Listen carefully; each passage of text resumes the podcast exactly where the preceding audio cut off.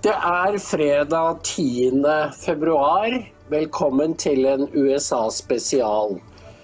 Som er noe improvisert, men vi så Tucker i natt, og som jeg sier til Dan, her er det to innslag som er så heavy at det holder i lange baner. Da jeg var ung, dvs. Si på 60-tallet og 70-tallet, så snakket venstresiden ustanselig om fascisme i Amerika. Nå har fascismen kommet til Amerika, og den angriper det amerikanske folk via det demokratiske partiet i første rekke, som er i ferd med å, gjøre USA til, et, til en ettpartistat, fordi de har gjort akkurat som kommunistene og nazistene gjør når de driver maktovertagelse. De erobrer institusjonene innenfra. Særlig kommunistene har vært eksperter på det.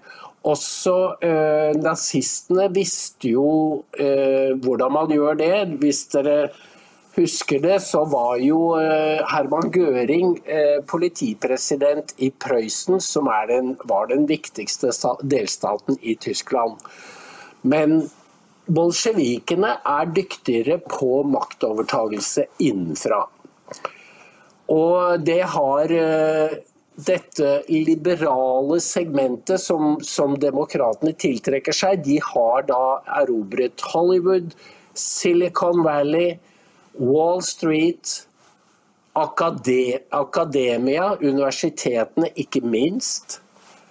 Og til sammen så blir dette en formidabel eh, maktblokk. Og de er nå i gang med å ta brikk, eller kommandohøyde etter kommandohøyde. F.eks. Eh, Riks, eh, Rikstrygdeverket. Eller eh, Skatteetaten eller eh, ja, denne Jo, jeg mente Riksarkivet. Det, man skulle ikke tro at dette var eh, institusjoner som det gikk an å politisere, men det gjør det faktisk. Og det er jo bakgrunnen for at eh, FBI raidet Mar-a-Lago i august og påsto at de hadde funnet masse hemmelige dokumenter. Som de kanskje hadde med seg. Det var tomme foldere, de la det utover gulvet osv. Vi har jo ikke sett noen bilder av Bidens dokumenter, så de vet vi ingenting om. Men Trump skulle da tas på det tidspunktet. Og så er det Justisdepartementet, det er FBI, det er CIA. De har jo alltid vært en, en mørk skygge. Og i sum så gjør dette at USA ikke lenger er USA. Og eh, så en spiller i dette her som, som, har kunnet utnytte situasjonen, er milliardæren George Soros med sin Open Society Foundation. Han har, Hva er det han har til rådighet i denne stiftelsen? Jeg tror det er 40 milliard, 47 milliarder eller noe der omkring. Og han fant da ut, for dere har kanskje hørt om at i det amerikanske systemet så velger man dommere og sheriffer politisk. Det er politiske verv som blir avgjort ved lokalvalg. Og da skjønte jo Soros at det, da er det bare å bruke tilstrekkelig med penger, så får vi borgermesteren, vi får sheriffen, og vi kan gjøre hva vi vil. Og det har de gjort. Sånn at uh, ordførere og politisjefer de danser etter Soros pipe, og det vil si at det er ikke noe som heter kriminalitet. Det er sosiale årsaker. Sånn at i, eh, no, i disse byene som er demokratisk styrte, så sier man f.eks. at vi satser, vi skjærer ned politibudsjettet, og så satser vi på boligbyggeri. Det er jo lignende toner i Oslo. I Raimonds Oslo så tenker man litt på samme måte. Politi er liksom et trinn ned, fordi øverst så er det medmenneskelighet sosiale goder, dvs. Si penger. Og sin, men Soros og demokratene har tatt dette flere skritt lenger enn det vi er vant til. Og det er BLM-opprøret i 2020 hadde jo som motto 'defund the police'. Altså skjær ned på budsjettet til politiet. Og det var Camilla Harris var med på det, oppfordret til det. De hadde et kausjonsfond for folk som kom i fengsel, som gjorde at de ble kjøpt ut og var på gata igjen med en gang. Og i stater som eh, New York så de, har de da um, avlyst eller opphevet uh, kausjon fordi det slo sosialt feil ut. Men det vil jo si at folk som begår alvorlige forbrytelser, er på gata igjen etter bare noen timer. Så vi har hatt utallige tilfeller av voldsmenn som er sluppet rett ut, og som har gått bort og drept mennesker. Og da har man disses blod på sine hender. Nå virker det å, å ha blitt enda verre, fordi nå er det så mye grov kriminalitet, og det flommer kriminelle innover grensen i sør. Og Tucker hadde da et innslag det er De gjør ikke noe om det ikke er tekstet, fordi det er så mange grelle, forferdelige historier. Um, og som dere vet, at det trengs ikke teksting. I det gamle Vesten så var det jo lov å forsvare seg, for da var det lovløst, så folk måtte ha våpen. Og nå er USA tilbake, på vei tilbake til slike tilstander. Men hva gjør myndighetene da? Jo, de arresterer de som forsvarer seg, og så lar de de kriminelle gå. Og Vi skal se noen eksempler på det i denne i, eh, hos Tucker.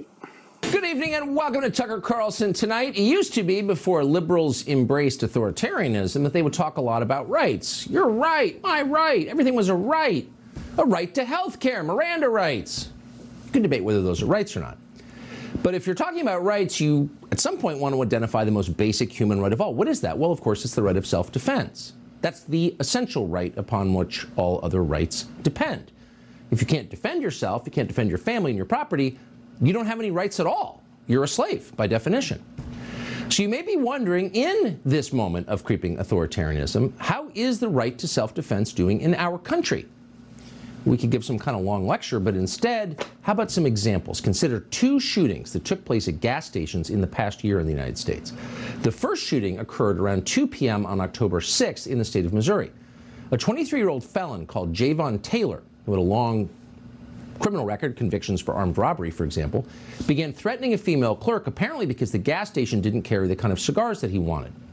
That's when an off duty fireman called Anthony Santee, who was inside, decided to step in.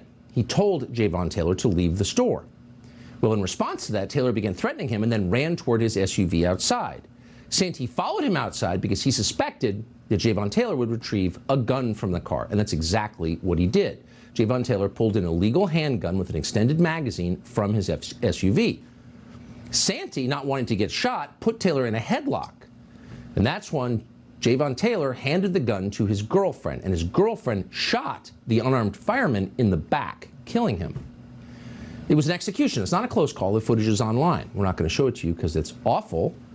But if you have any doubt, you can watch it. So there's no debate about what happened here.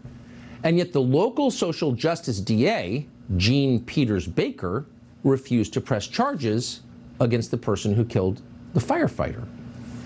Now, why? Well, there may have been a political component, and we know that because online, BLM activists immediately celebrated the killing on racial grounds. Javon Taylor is black, Anthony Santee was white. That was enough for them. They're glad he's dead. Jeg skal bare rekapitulere det Tucker sier i denne episoden. Det var altså en Eh, som kommer inn på en, bensinstasjon og skal ha sigarer, og så er han ikke fornøyd med utvalget.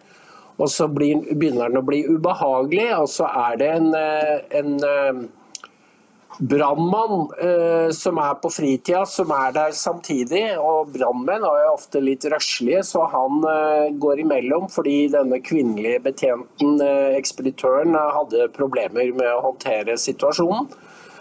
Og da løper denne ubehagelige kunden ut, og eh, brannmannen mistenker at det er for å hente en pistol, så han følger etter den. Og det er det ganske riktig, og han kaster pistolen til venninna si og dreper brannmannen. Og fordi gjerningsmannen er svart og brannmannen er hvit, så skjer det ikke noe med dette drapet. Eh, det er, og BLM-aktivister er eh, happy med det som skjedde, for det er én mindre hvit mann. Sånn er stemningen i Bidens USA. Og dette får du jo aldri vite av Tove Bjørgaas, fordi hun er på samme vogna. Det skjer også i vårt samfunn. Uh, Uwe Max uh, i Danmark skrev om en uh, akademikerforening der nede, hvor et av medlemmene skrev at det var altfor mye hvite, middelaldrende menn som uttalte seg. Og dette hører du jo også i Norge, hvor det er blitt en stereotyp. Og dette er den samme type stereotypen som kommunister og nazister brukte. Man lager, altså skjærer ut i papp, eh, en eh, karikatur av mennesker som det er ålreit å mobbe. Og det vil si, når justisvesenet begynner å oppføre seg og ta disse stereotypene på alvor, og det er de i ferd med å gjøre også i Norge, eh, så får du en veldig farlig sosial situasjon. Fordi de som da er ofre, og i Norge så snakkes det jo veldig mye om ofre, at det er de fremmede, de nye borgerne som er ofre, og de sårbare. Men det stemmer jo ikke. Det er de hvite middelaldrende menn som er, er ofre i det nye Norge. Det er samme mistenkeliggjøring som det vi ser i USA, det har bare ikke kommet riktig så langt. Og jeg tror at en av grunnene til at vi ikke har lignende situasjoner, er at norske menn er veldig forsiktige fordi de har forstått at de må gå stille i dørene. Mens mediene slår jo opp hva folk sier i fylla i en drosjekø eller foran en pølsebod når folk er fulle. Um, det er mye annet som foregår som vi gjerne skulle visst, som ville fortalt oss men hva som er situasjonen. Men det er jo nok å høre på denne evinnelige eh, dette evinnelige maset om at når hvite middelaldrende menn uttaler seg, så fortrenger de andre stemmer. Det er et helt vanlig argument i norsk debatt. Og det fører til tror jeg, de tilstandene som Tucker beskriver i USA. Det skal bare liksom Det skal skjerpes, det skal øke litt i kvantitet. De problemene vi hørte om denne uken i barneskolen i Oslo, det er et varsel om slike tilstander. Og bare vent. Når vi ikke hører noe om det, så er det fordi at det kan hende det er læreren som får problem hvis det er elevene som er aggressive. Vi skal se en, et klipp til av fra Tucker. Now consider the second gas station shooting. This one happened just before midnight, less than a month ago, in Austin, Texas. An armed man with a long criminal record called Marquise Demps walked into a Shell station and became violent. Here's a report from the local Fox station describing what happened next. Customers who frequent the family owned Shell gas station on East MLK in Springdale can't say enough good things about 25 year old employee Yassine Naz. They're stunned to hear Naz is charged with first degree murder after police say he shot and killed 42 year old Marquis Demps outside the store late Saturday night. According to court documents, Demps came into the store and caused a verbal disturbance that turned physical. That there was some type of altercation happening inside the store, and that's what started everything. Demps waving a knife at the workers, so Naz grabbed a gun, telling him to leave. Instead, Demps began trashing the store. Naz's father showing us the damaged merchandise and display cases, the credit card machine ripped out of the counter. As Demps left, Naz followed him into the parking lot and shot him multiple times through his car window. So, a guy with a criminal record and a knife in his hand starts trashing your store and then runs outside to his car. You see, Naz told police later that he shot Marquis Demps because he feared for his life. He thought the guy was going to get a gun and come back and kill him. And that's a reasonable fear, of course.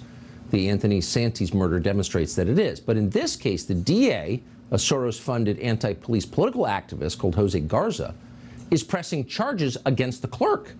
He wants Yassine Naz, a man who is widely respected in his community, a man who actually contributes to our society, as you just heard. He's trying to send that man to prison for the rest of his life. So, but these two cases together, consider them in tandem. What's the message? Well, the message is if a violent felon starts terrorizing people in your store, ripping your store apart on which you rely for your livelihood, you can't do anything. If he goes back to his car to get a gun, you have to let it happen. So get shot or go to jail for the rest of your life. Those are your choices, which of course are not really choices at all. And these are not isolated cases that we cherry pick to make some polemical point. It's happening everywhere. We saw it happen to Jose Alba last summer in New York. He's the bodega clerk. The prosecutor sent to Rikers Island on a murder charge because he fought back when a thug, another convicted felon, attacked him with his girlfriend in the store. Now, that charge was ultimately dropped after the public flipped out because it was so unfair, but Alba left this country for the Dominican Republic because he saw where things are going. Even in Texas, which in some places is still a free state, self defense is slowly becoming illegal. A few weeks ago, a thug walked into a taco shop holding what looked to be a gun, scared the hell out of everybody inside, and stole their money. He pointed this gun, turned out to be fake, at several customers. How would you feel if you were there in the restaurant and some lunatic with a gun starts shoving the barrel in people's faces and stealing their money? Well, one brave man stood up and eliminated the threat. Here it is. A man wearing a mask and gloves inside the taqueria around 11:30 Thursday night, pointing what looks like a gun at customers while demanding money. As some hide and throw cash, this man takes action just as the robber heads to the door, still with his gun drawn. Picked up the money, turned around and left, and that's when the customer got up and shot him. The shooter angry, realizing the robber's gun is plastic. Returning the stolen money to customers, taking a sip of his drink, and leaving before police arrive. So it'd be interesting, and we should do this. Play that video for the entire country. And let's have a national referendum on what ought to happen to the man who shot the armed robber. You're eating with your family in a restaurant. Some lunatic in a mask comes in and shoves a gun in your face, which you think is a gun, and steals your money. And somebody stands up and shoots him back. What percentage of Americans think that guy should go to jail? Mm, right around zero, probably. But Houston police, along with the county district attorney, are putting that man in front of a grand jury to send him to prison. They're saying he shot the criminal one too many times. Okay. It's not hard to see why people are making sure they're putting down violent thugs. If they don't, they'll get out of jail and start terrorizing more people. That is happening everywhere. It just happened in Tupelo, Mississippi in September. Mississippi is a state controlled by Republicans. But politicians in Mississippi started letting felons out on parole, and that would include a man called Chris Copeland, who's 26. He had multiple convictions for burglary and auto theft. Copeland, while out on probation, executed a clerk inside a Chevron after robbing him. He made that clerk, a man called Parmveer Singh, sit down and then shot him in the back of the head. This footage is awful, but it's real. Turn away if you don't want to see it. Here it is. Yeah, yeah, yeah, man, you take it all, no problem. What? Huh? Oh. You take this one. No, you take. Finish go.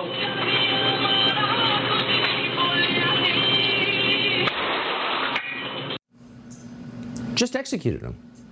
So politicians can feel like good and virtuous people by giving a second chance to felons. And by the way, felons do deserve a second chance. Not everyone in prison deserves to be there. But when you let people out wholesale and then don't keep track of them, just expect the best, you're going to let psychopaths like Chris Copeland into the general population, and they're going to execute store clerks, who are the last people who deserve to be executed. They're working for like eight bucks an hour to sell you lotto tickets. Self defense, the cornerstone of all freedoms, without which you cannot be free. You are owned. Self defense is becoming illegal, in effect, in a lot of places. And not just in very liberal places like New York City, even in states with some of the strongest self defense laws on the books. Arizona, for example, allows residents to shoot trespassers on their property. So 73 year old George Allen Kelly lived right on the border. Now, you may have heard that Joe Biden opened the border to millions and millions of people from other countries whose identities we don't know to just walk in. So if you live on the border, this has changed your life completely and it scared you. So George Allen Kelly was one of those people, lives on the border. He's seeing this firsthand. Now he is in jail tonight, charged with first degree murder because he shot an illegal alien who trespassed onto his ranch in Keno Springs. That's less than two miles from the border. This happened January 30th, just the other day. Now, we don't know the details of the altercation between the man in prison and the man he killed. But the man in prison has no record of killing anyone else. He's not a convicted felon. He does not have a violent history. The man he killed was an illegal migrant called Gabriel Cohen Butima, and he was deported several times from the United States but let back in. We're not attacking him, just noting him. That's true. So George Allen Kelly apparently felt threatened and shot that illegal migrant, but prosecutors did not give him the benefit of the doubt. They instantly charged him with first degree murder. So here he is, George Allen Kelly. This is the guy who, according to Arizona authorities, is a dangerous risk to public safety who must spend the rest of his life in prison. Assess, does he seem dangerous to you? I noticed coming in, Your Honor, my wife is in present in the court. May I ask her to make an appointment for an audio visual conference, and I've not been able to talk to her or anyone that's something that has to be discussed with the detention um, facility downstairs. So that conversation would have to be had with them, sir. Okay?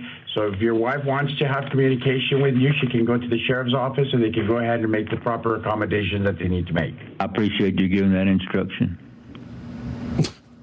This is an elderly man who can barely walk, who has never been convicted of a violent crime. And he's being treated like a child by some disembodied voice from some fascist. That's, that's what you just saw. Now, the judge in this case is called Emilio Velasquez. Now, who's Emilio Velasquez? He's a judge. He doesn't even have a law degree. He, he's not a lawyer, and yet he's a judge. He's an elected politician. And he is allowing the prosecution of an American citizen who exercised his rights under Arizona law and his most basic human right, which is if someone comes onto your property and you feel threatened by it, you have a right to defend yourself by force, period. But Velasquez does not acknowledge that right. And so he set the bail for this elderly man whose wife is living alone in their home right near the border at a million dollars. So news of this case obviously traveled past Arizona, and people were justly outraged by what is being done to this man. So people tried to raise money to pay that bail on GoFundMe. But GoFundMe wouldn't allow that. This elderly man rotting in jail while his wife lives alone on a border that the Democratic Party has kept open you can't raise money for his bail. They shut down, GoFundMe shut down the effort to raise bail for this guy. Now, of course, you can raise money for BLM as they burn our country down to make sure Donald Trump is not reelected. But you're not allowed to raise money for people who are being held on a million dollars bail on first degree murder charges for defending their own property along an open border. True insanity and a danger to all of us. Det er eh, et uh, deprimerende skue. Uh, dere så den første ranet på en bensinstasjon. Det var altså en uh, latinamerikaner som ble ranet av en svart. Og um, det er jo ingen tvil om hvem det er som er angriper. Men det er altså latinamerikeren som forsvarer seg, som risikerer livsvarig av en dommer som er innsatt av Soros. Og så er det den mest hårreisende er denne rancheren, bonden i Arizona, som ligger noen få kilometer fra grensa. Eh, vi vet ikke akkurat hva som skjedde da han skjøt denne inntrengeren, men det var en person som hadde, var blitt uh, utvist uh, flere ganger fra USA, kommer tilbake og får bli. Men det er selv om vi ikke vet hva som skjedde, så ser vi at den behandlingen han får av eh, dommeren på videolink, er helt hårreisende. Det er den vanlige borger som er eh, eh forbryteren. Han er altså tiltalt med overlagt for overlagt drap for å ha forsvart sin eiendom. Dette er å snu Amerika på hodet, fordi Amerika er grunnlagt på retten til å bære våpen og retten til å forsvare seg. Privat eiendom. Disse to tingene går sammen. Eller det er tre ting. Det er ytringsfrihet, First Amendment, Second Amendment, Right to bear arms og privat eiendom. Og til sammen så er disse tre utgjør det hjørnestenen eller grunnlaget for friheten i USA. Er, og Derfor er denne, denne, måten å behandle borgere på som forsvarer seg, er, eh, er, et varsel om at de kommer for å ta folks våpen. Biden-regimet kommer for å ta folks våpen. Og det forstår amerikanerne, men de går løs på eh, borgernes friheter og rettigheter med en sånn eh, salamitaktikk. Hvor de da eh, bruker rettsvesenet til å undergrave både tilliten til systemet og den måten det virker på. Og Biden gjentar jo gang på gang at eh, de må inndra, eh, frata folk eh, våpnene sine. Og da vil det jo bare være igjen de kriminelle og myndighetene som har våpen. Og det er meningen. Dette er oppskriften på et diktatur. Og det er det de holder på å innføre i USA. Og hvis dere tror jeg står her og fantaserer, så lyver ikke disse filmene, disse bildene av denne eh, rancheren som står der og spør tror du jeg kunne få lov til å snakke med min kone, eller at hun kunne være på videocall og se meg nå, for jeg har ikke fått snakke med henne, snakket med henne siden dette skjedde.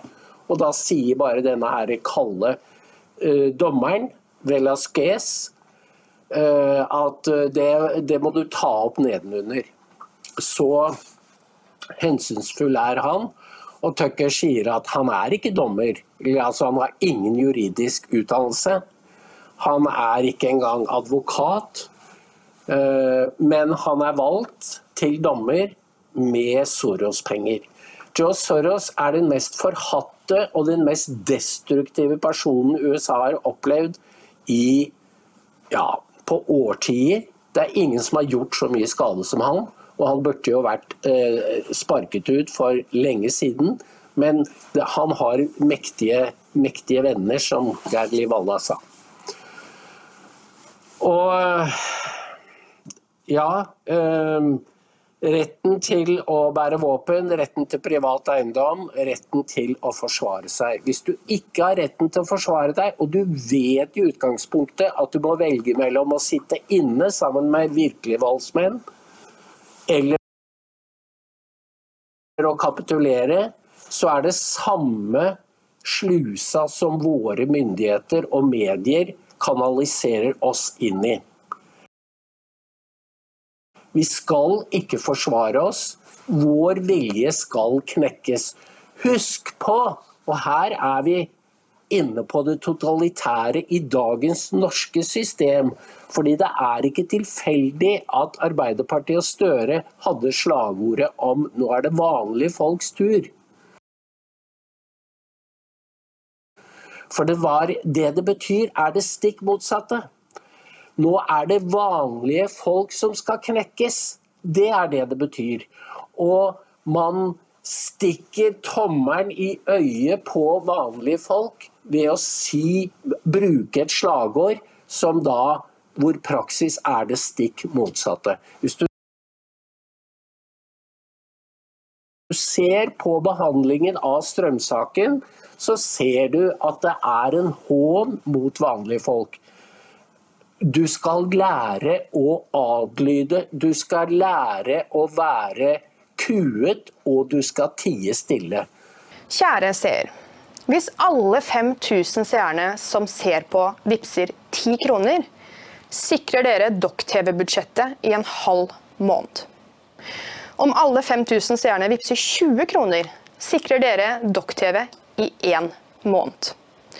Så lenge vi jobber sammen og alle bidrar, om så bare litt, så kommer vi en lang vei. Det hviler på oss, altså på deg og meg, å sørge for at sannheten kommer fram. Og at Document bevarer sin rolle som det medier egentlig skal være, en vaktbikkje. Uten dere så klarer ikke vi det. Og uten oss så sitter dere igjen med medier som løper myndighetenes ærend.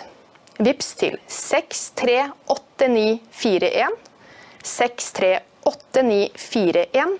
Fordi ditt bidrag gjør en enorm forskjell. Det var flere episoder her i introduksjonen til Tucker som jeg eh, hadde glemt. Eh, det er en jeg veldig gjerne vil vise dere, fordi dette er et ektepar som ble rett og slett verdenskjent under BLM-opprøret. Og nå bruker jeg med vilje ordet opprør, fordi demokratene og deres medier, inklusive de norske, har jo brukt ordet 'insurrection' om 6.1, mens det virkelige opprøret var BLM-opprøret og Antifa-opprøret. Og i St. Louis så det en, var det et ektepar som hadde brukt mye penger, advokater, brukt mye penger på et, et eh, staselig herskapshus med hvite søyler og det lå inne i et avsperret område, men her brøt denne mobben seg inn. Og da tok jo McCluskey, heter de, de tok frem våpen og sto der, for de visste at hvis de kom inn, så var det, da var eh, spillet over. Um, og det var det da noen som filmet, fordi BLM-folkene gikk jo med telefoner hele tiden. Og fordi disse var hvite, og de var advokater, og de hadde penger og våpen, så ble de hengt ut. Ehm, statsadvokaten Kim Gardner er Soros betalt, og da må jeg si da forutinntatt fordomsfull mot eh, borgerlige mennesker, mot hvite mennesker. Men det som er interessant for dere, og hvorfor jeg, dere vil, hvorfor jeg vil dere skal vite det, er jo hvor stor denne historien ble. Fordi de satt der forsvarsløse. Politiet kom og tok fra dem våpnene. Og den påfølgende natta De ringte Trump i Washington, som sendte ned sine politi med et fly til å passe på dem. Fordi presidenten har et vaktstyrke han kan bruke. Ellers hadde de kanskje blitt huset deres trashet uh, i den påfølgende natt. De var på Tucker og fortalte om hvor redde de var for det som skulle skje. Og det det er jo sånn kommunistiske regimer disiplinerer. De lærer opp befolkningen. Se hva som skjer med de som opponerer mot oss. De går det dårlig med. Og det var den sånn de ville bruke det eksempelet med McCluskey. Uh, han fikk da en dom. Uh, han mista våpnene sine. Han måtte, både han og kona måtte gjøre 100 timers samfunnsstraff. Straff fordi de hadde forsvart sin egen eiendom, som lå bak et gjerde. Det er det nye USA. Det er det nye Europa. For, og når jeg sier det, så er det fordi i, i Danmark, uh, i Aftenposten, så ble også dette ekteparet omtalt som hvite rasister. Men eh, Berlingske i København har en journalist som heter Paul Høy.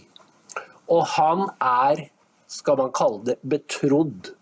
Han gjør disse sakene som skal eh, vise at det er en ny ideologi på gang.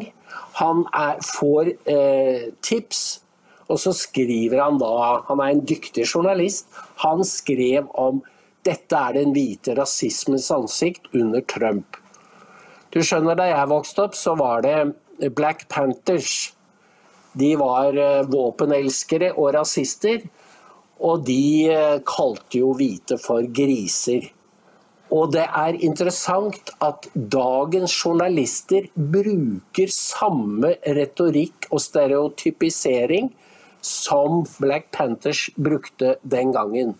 Mine barn gikk jo på St. Sunniva, og jeg fikk sjokk da de begynte Da disse gamle stereotypene fra 60-årene, for det var i 68 og utover, dukket opp i undervisningen og på skoleevenementer. Jeg kjente det jo igjen med en gang, og jeg prøvde å si til lærerne du, dette her det kjenner jeg, og dette er ikke bra.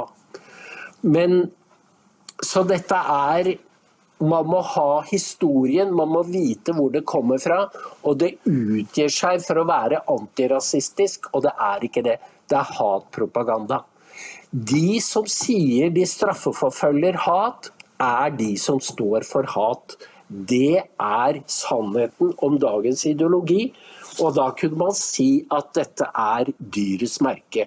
For de snur rettferdigheten på hodet og, og, og eh, bruker den mot menneskene på en utspekulert måte. Nå skal vi møte McCluskey, som er helt normale, vanlige amerikanere. Men de er tilfeldigvis velstående, for de har sikkert jobbet mye. Og de har et pent hjem som de gjerne vil forsvare. Meanwhile, people who defend themselves against criminals get the maximum possible sentence. The government gets to defend itself with bodyguards. Politicians have tons of bodyguards you pay for. Congress is so afraid of the people they govern, they built a wall around the Capitol this week. But you can't fight back. And we began to see this accelerate in 2020 during the BLM riots. So a BLM mob broke the gate into Mark and Patricia McCloskey's property in St. Louis. They were having dinner. All of a sudden, the mob shows up. And so in response, they did what you would do if you were awake. You grab your firearms. You don't shoot anybody, back off. Those firearms were lawfully owned, they were on their property, as was the mob. Here's what it looked like.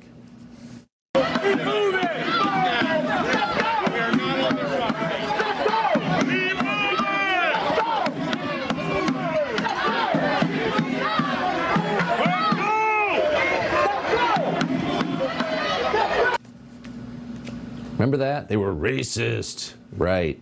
A group of highly entitled children of orthodontists showed up on their property to threaten them, and they said, back off. So they're racist, said the Washington Post.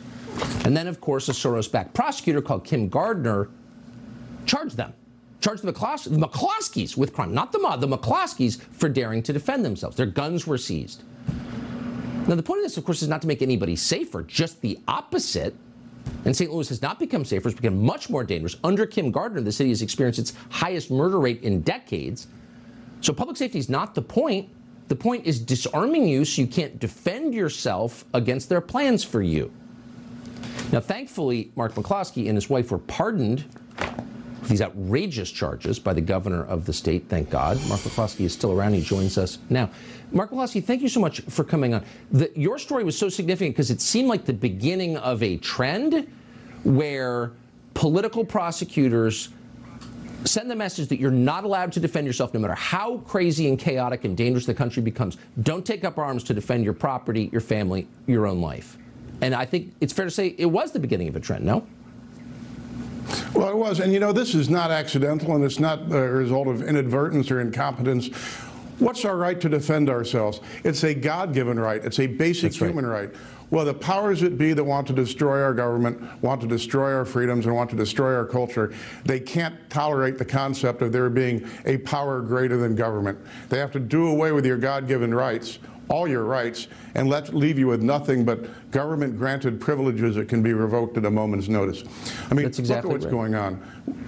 We've got, a, we've got a vice president of the United States who encouraged the riots, said the riots are proper, they should continue, bailed people out of jail so they can riot the next day. We got a government that encourages crime and then discourages law enforcement by defunding the police and these George Soros, Soros prosecutors like I have here in St. Louis. And then what do the people do? If there's rampant crime, and the police won't enforce the law and the prosecutors won't prosecute the criminals, people have to defend themselves. So then what? That same government then criminalizes self defense and throws you in jail. Now, you know, it wasn't cheap to defend ourselves. And then to add insult to injury, our Bar Association required us to do 100 hours each of pro bono legal services. Uh, so that's 200 hours of our time. That's about a 150,000 buck fine right there. But we can we can handle that. But think about that poor George Allen Kelly down in Texas, 73 year old man with a million dollar bond for doing nothing more than defending himself. The whole purpose of all this is to strip our rights away, strip away our God given freedoms, and, and give absolute control to the government. Criminalize criminalize self defense and, and glorify the government. Yeah. So they start a crime wave and then demand you give up your guns. Yeah, no, no thanks. No thanks. Mark Pulaski, great to see you. Thank you so much. Thank you, Tucker. So, Dere hører jo at eh, disse historiene fra USA med denne gamle 74-årige rancheren som blir eh, anklaget for overlagt drap, det er historier som alle anstendige mennesker får med seg, fordi de forstår at det er en trussel mot dem. Og jeg har hørt mange historier fra amerikanere i grensestrøkene som forteller meg hva det er Biden-regimet holder på med. Eh, Som Tucker sier, de lager en kriminalitetsbølge for å kunne ta våpnene fra vanlige mennesker. Tenk over det. Det er en drøy påstand, men virkeligheten er enda drøyere.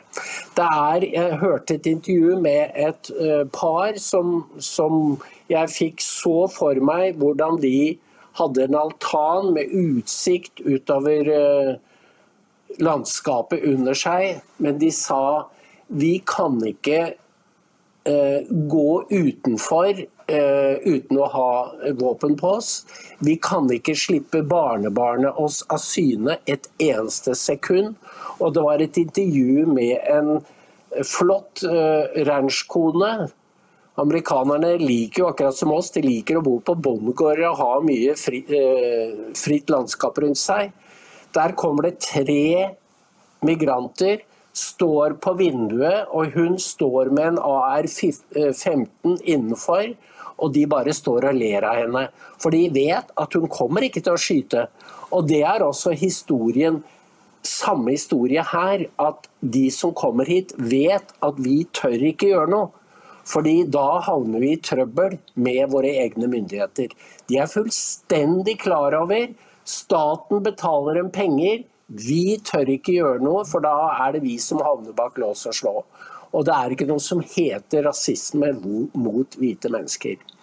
Og da er det naturlig at man går til neste steg, som er å angripe konservative kristne, i dette tilfellet katolikker. Men det man i virkeligheten angriper, er Gud. Det er den ultimate fienden til det nye hedenskapet og tyranniet. De vet at så lenge folk tror på Gud, så kommer de til å tørre å forsvare seg. De kommer til å forsvare seg med moral, og med bønner og med våpen. Og For å få bukt med dem, så må de knekke de konservative kristne, for de andre er det jo ikke noe å bry seg med. De, er, de bøyer seg som eh, strå i vind. Så nå skal vi se om hvordan dette skjer, nemlig Det har skjedd over lang tid nå med FBI som raider folk, hjemmene til folk. Men nå er det, blir det satt mer i system. So, in this weird inverted world that we're living in, the criminals are actually the victims. So who are the criminals? Well, obviously, sincere Christians. They're the real problems. Sincere Christians in the middle class, boy, they're dangerous. And the FBI, it's hard to believe this, doubtless there are decent FBI agents, but the FBI as an organization has joined in the hunt for Christians, and we have proof of it. The FBI tried to manufacture crimes against sincere Catholics. The FBI's Richmond field office recently published an internal document promising to punish, quote, radical traditionalist Catholics and their ideology. Now, j- just to make something completely clear, the Bill of Rights prohibits the government from weighing in on sectarian or religious questions. They don't get to decide whether your religion is good or bad. They have to be agnostic on it. But the FBI has decided if you're too sincere about Catholicism, you're a criminal. The document cites obvious lies from the fascist and dishonest Southern Poverty Law Center several times. Now, we only have this memo because a recently suspended FBI agent called Kyle Seraphin brought it. to the public. And we're grateful that he did. Kyle, thank you so much for joining us tonight. This, it's hard to believe this is even real. This is one of those. uh, What was your reaction when you saw this? Well, my reaction is predictable. I mean, I'm a Catholic, number one, and uh, I think it's appalling. It's one of those things that uh, when the government has gotten to the point where you talked about our Second Amendment rights, and those defend our First Amendment rights to practice our religion, particularly the way that we want to. Um, I'm friends with people who love the Latin Mass. I, I grew up in a, a traditional school where I actually learned Latin in fifth and sixth grade and all the way through high school. And um, it doesn't seem reasonable, but it is the state of the FBI at this point that they are so desperate to find white supremacists that they're going to look at the Catholic Church. But I think if we're realistic about it, what they're doing is they have found a gateway in what they think is fringe Catholicism in order to, um, to move into Christians in general.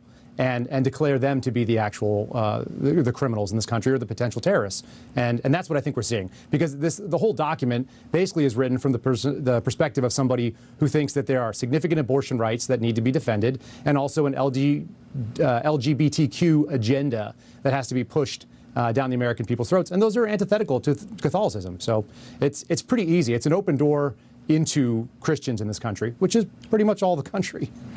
Well, yeah, and also Orthodox Judaism and Islam and Mormonism. I mean, they're right. And I, did no one in the FBI say, "Whoa, whoa, wait a second.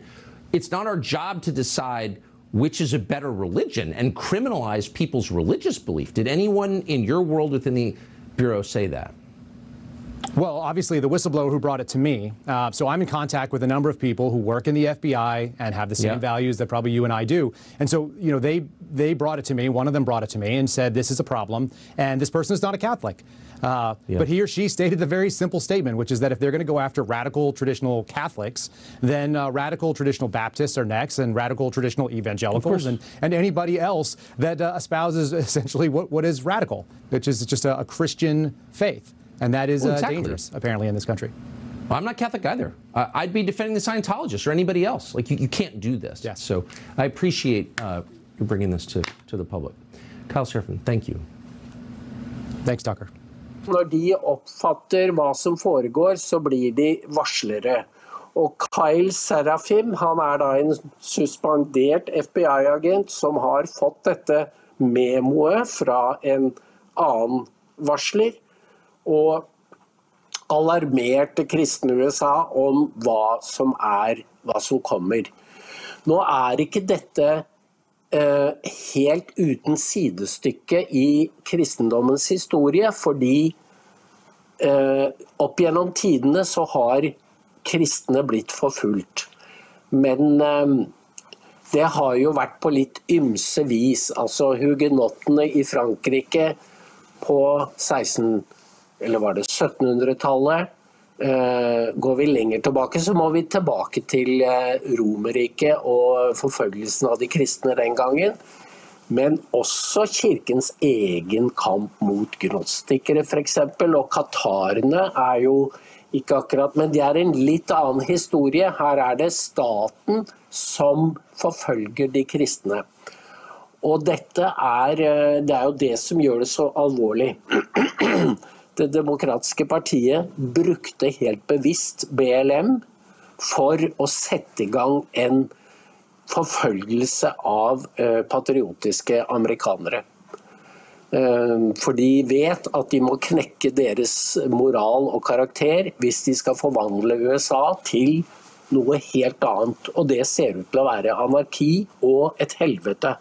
For det er det de demokratisk styrte byene blir. Det er jo eh, fristende å trekke paralleller til utviklingen i Europa. Eh, hvis dere ser denne eh, kommissæren i Brussel, de vil ha åpen immigrasjon til Europa. De vil fordele migrantene på alle medlemslandene ut fra en omtrent som det var skatt. Så skal det fordeles. Um, og eh, da vil jo befolkningen bli så eh, vannet ut at den, den tilliten som vi hadde eh, fra opprinnelig, den vil være borte. Og hva er det de da snakker om? Jo, det er ikke noe ord de bruker mer enn tillit. Og de har kriminalisert å bruke ordet befolkningsutskiftning.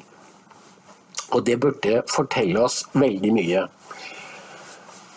Ja, dette er så eh, mørkt at eh, jeg skjønner godt at dere syns det blir mye. og Derfor har jeg begrenset meg til disse to temaene. Kriminalitet og eh, forfølgelsen av kristne. Men vi har det altså også her i Europa, og det går så uhyggelig fort. Forholdene, hvis dere ser på utviklingen i Sverige, så er det kriminaliteten der kan jo sammenlignes med det vi så i USA. Og svenskene har mistet kontrollen over sitt eget land.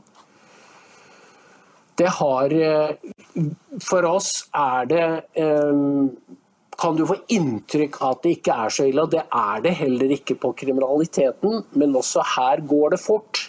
Men myndighetene, som da er Arbeiderpartistyrt, prøver å knuse den, det tillitsforholdet, den kontrakten de hadde med folket, bl.a.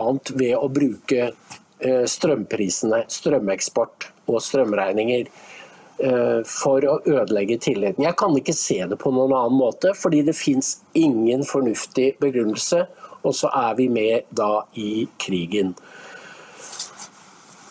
Det er eh, Jeg må bare si vi er, vi er heldige som får lov til å snakke fritt enn så lenge. Og det kommer vi til å fortsette med. Og jeg håper og tror at dere vil støtte dokument eh, på, gjennom abonnement og VIPS og på andre måter, fordi vi er i samme båt. Det er det. Vi er i samme båt. Jeg hadde aldri trodd jeg skulle si disse tingene som vi har vært innom i dag, fordi det er noe uhyggelig ved det. Hvem er det som vil ødelegge det samfunnet som man har bygd opp gjennom generasjoner? Hvem vil gjøre det, og hvorfor? Det er det spørsmålet alle stiller seg.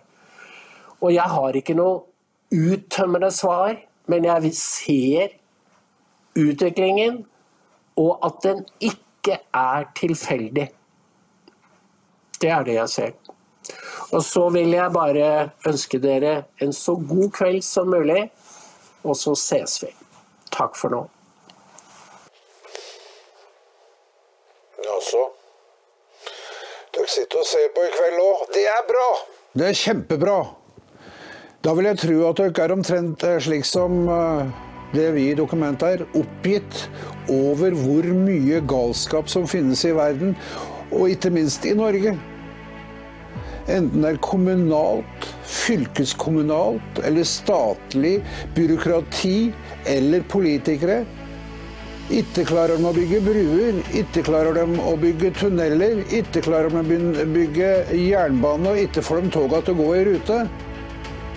Og verden bare suser videre, og staten øser ut penger med ene handa. Så tar de opp fryktelig mye penger fra dere med andre handa.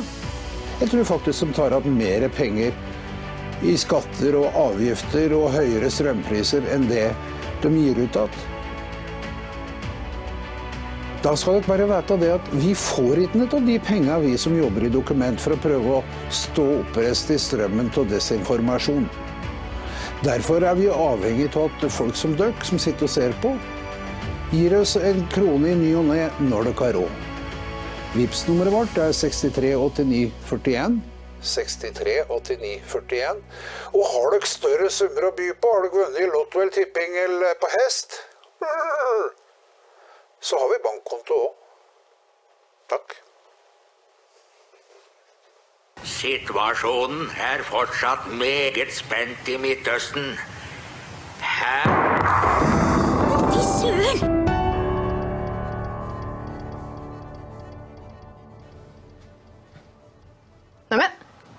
Hei! Har du også antistatlige holdninger? Ja, da har du kommet til rett sted. Da er Dokk-TV noe for deg. Men for at vi skal kunne lage Dokk-TV, så er vi avhengig av din støtte. Vips et bidrag til 63 89 41. Takk. Husk å vips, ellers så kommer klimatroll og tar deg! Og jorden går under.